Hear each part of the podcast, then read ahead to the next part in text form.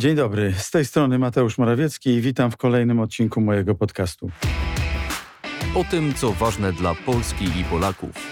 Specjalny podcast premiera Mateusza Morawieckiego. W każdy piątek. Polityka z pierwszej ręki.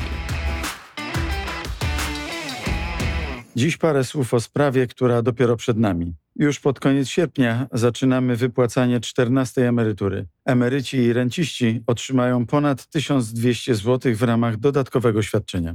Dzisiejsi emeryci to pokolenie naszych ojców i matek, któremu zawdzięczamy właściwie wszystko. To ludzie, którzy całe swoje życie poświęcili pracy dla Polski. Często mają w swojej biografii silne zaangażowanie w walkę z komuną.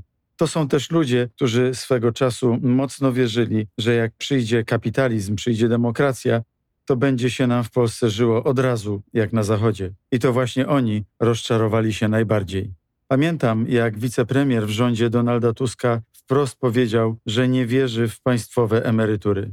Znamy narzekanie liberałów na ZUS, ale takie słowa potwierdzają tylko, że nawet w rządzie złożonym w dużej mierze z liberałów nie było woli i pomysłu reformy, która sprawi, że emerytury będą wypłacane na godnym poziomie. Chyba nie powinno nikogo dziwić, że to ci sami ludzie, którzy nie potrafili nic z tą sprawą zrobić, krytykują dzisiaj 14 emeryturę. I można im wierzyć. W tym sensie, że jak wrócą do władzy, nie daj Boże, to pierwsza decyzja Donalda Tuska będzie taka, że 14 emeryturę odbierze. Ktoś powie, że przesadzam, że nic takiego Donald Tusk nie zapowiada. Mógłbym zapytać, czy zapowiadał podniesienie wieku emerytalnego. Odpowiedź brzmi: nie zapowiadał, a jednak podniósł. Mógłbym zapytać, czy zapowiadał podniesienie stawki podatku VAT.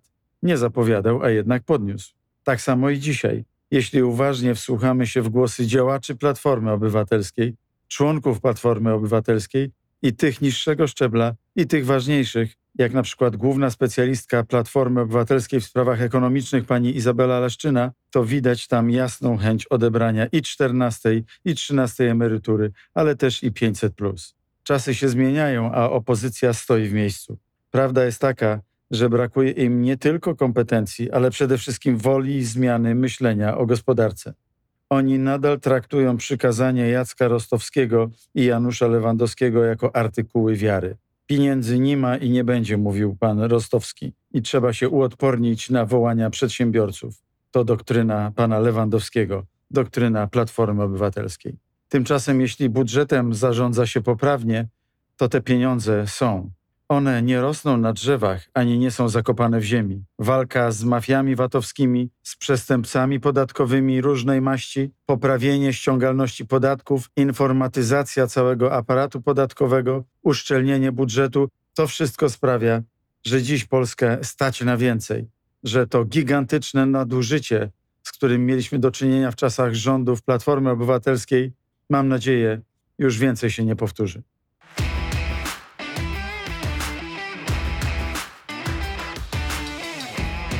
A mimo to nadal słychać, że grozi nam scenariusz grecki. Grecja jest dziś faktycznie najbardziej zadłużonym państwem Unii Europejskiej. A gdzie jest Polska? Nasz dług publiczny wynosi nieco ponad 50% do PKB. Przypomnę, że włoski czy belgijski to grubo ponad 100%.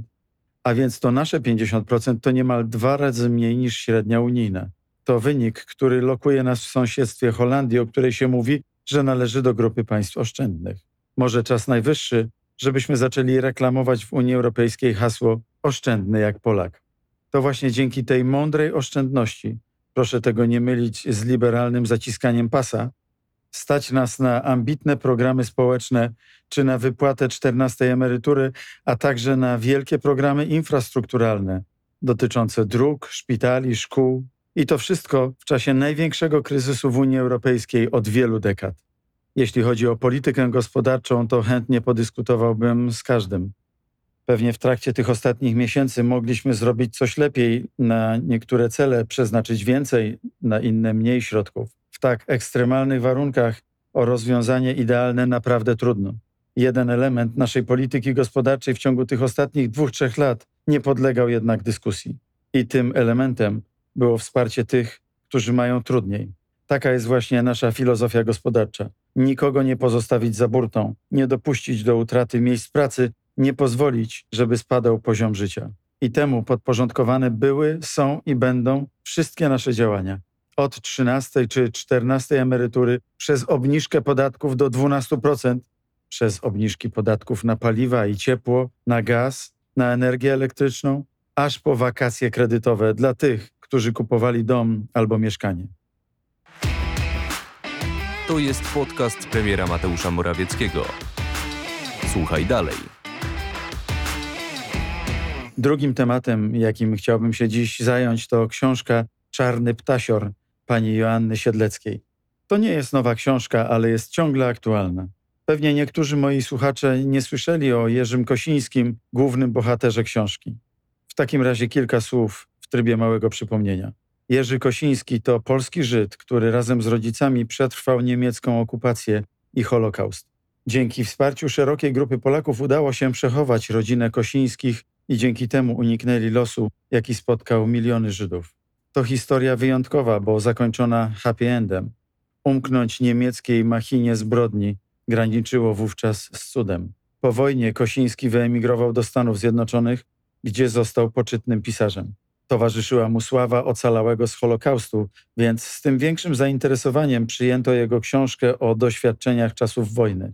Malowany ptak, tak pisarz zatytułował swoją powieść, z miejsca zaczął być traktowany jako prawdziwe świadectwo losów Żydów na ziemiach polskich pod okupacją niemiecką. Niektórzy porównywali ten tekst ze słynnymi dziennikami Anne Frank, żydowskiej dziewczyny, która po dwuletnim ukrywaniu się w Amsterdamie trafia jednak do obozu koncentracyjnego i tam ginie. Jaki był problem z malowanym ptakiem? Otóż Kosiński opisał Polskę niemal jak jądro ciemności. Cała książka jest naszpikowana obrazami traum i cierpień, jakich doznawał ze strony, no właśnie, wcale nie Niemców, tylko Polaków. Ludzie, którzy go chronili przed Niemcami, stali się w jego powieści największymi potworami, a cierpienia, których doznał, odebrały mu mowę na kilka lat. Malowany ptak Kosińskiego utrwalił wśród zachodniej publiczności przekonanie, że Polacy byli współsprawcami Holokaustu, co najmniej w tak samym stopniu winnymi co Niemcy. Można powiedzieć więcej. Z lektury wynikało, że nawet i bez Niemców los Żydów byłby w Polsce tak samo zły. Horror. Kompletna paranoja.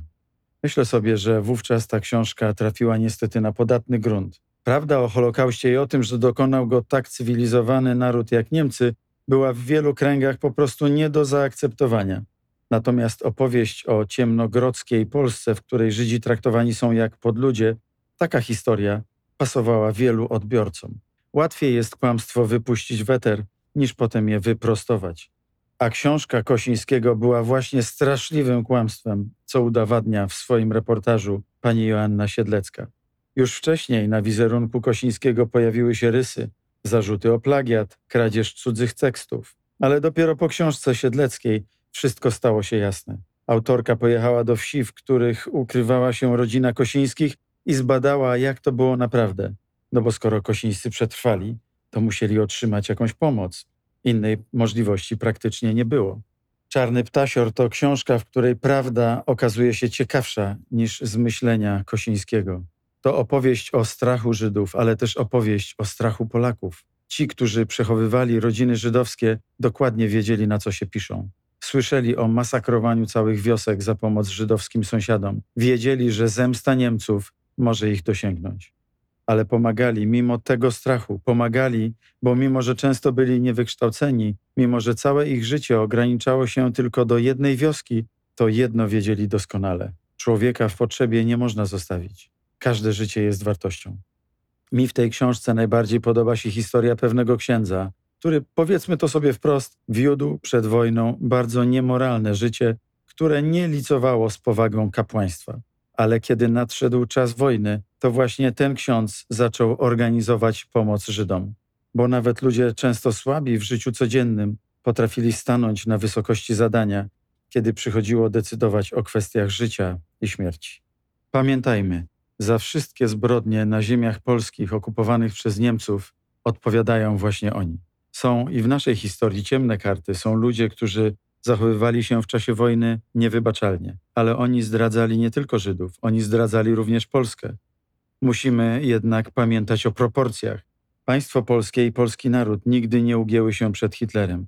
nigdy nie ugięły się przed III Rzeszą Niemiecką. A jeśli ktoś dał się złamać, to wbrew nakazom państwa polskiego. W drugą stronę zaś zobaczmy, co dzieje się z opowieścią o Niemcach. Jest taki modny film Walkiria i to z Tomem Cruzem w roli głównej.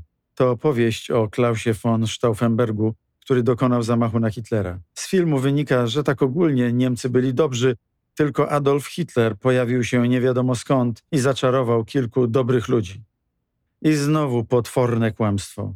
Tak, cały ten film Walkiria to potworne kłamstwo. Raz, że sam Stauffenberg był nie mniejszym rasistą niż Hitler. Dwa, że Niemcy gremialnie popierali swojego Führera. A bunt był absolutnym wyjątkiem. I to miało miejsce już właściwie pod sam koniec wojny, kiedy wszyscy rozsądni ludzie wiedzieli, że Niemcy przegrywają. W swoim myśleniu o historii powinniśmy opierać się na prawdzie, a nie na fałszu czy na mitach. A ta prawda jest jednoznaczna. Nie wolno nam mylić katów z ofiarami, sprawców z tymi, którzy pomagali. Czarna legenda Polski nadal silnie funkcjonuje w wielu kręgach na Zachodzie. Jerzy Kosiński z pewnością przyczynił się do budowania tej czarnej legendy. I niestety miał też wielu następców, wielu podłych następców. I jeszcze wiele pracy nas czeka, żeby te wszystkie kłamstwa odkręcić. Książka Joanny Siedleckiej na pewno w tym pomaga, ale ona potrzebuje nowych czytelników i nowych promotorów. I do tej pracy wszystkich zachęcam. Dziękuję za dziś i słyszymy się za tydzień. Podcast jest dostępny w serwisach Spotify, Google Podcast oraz Apple Podcast.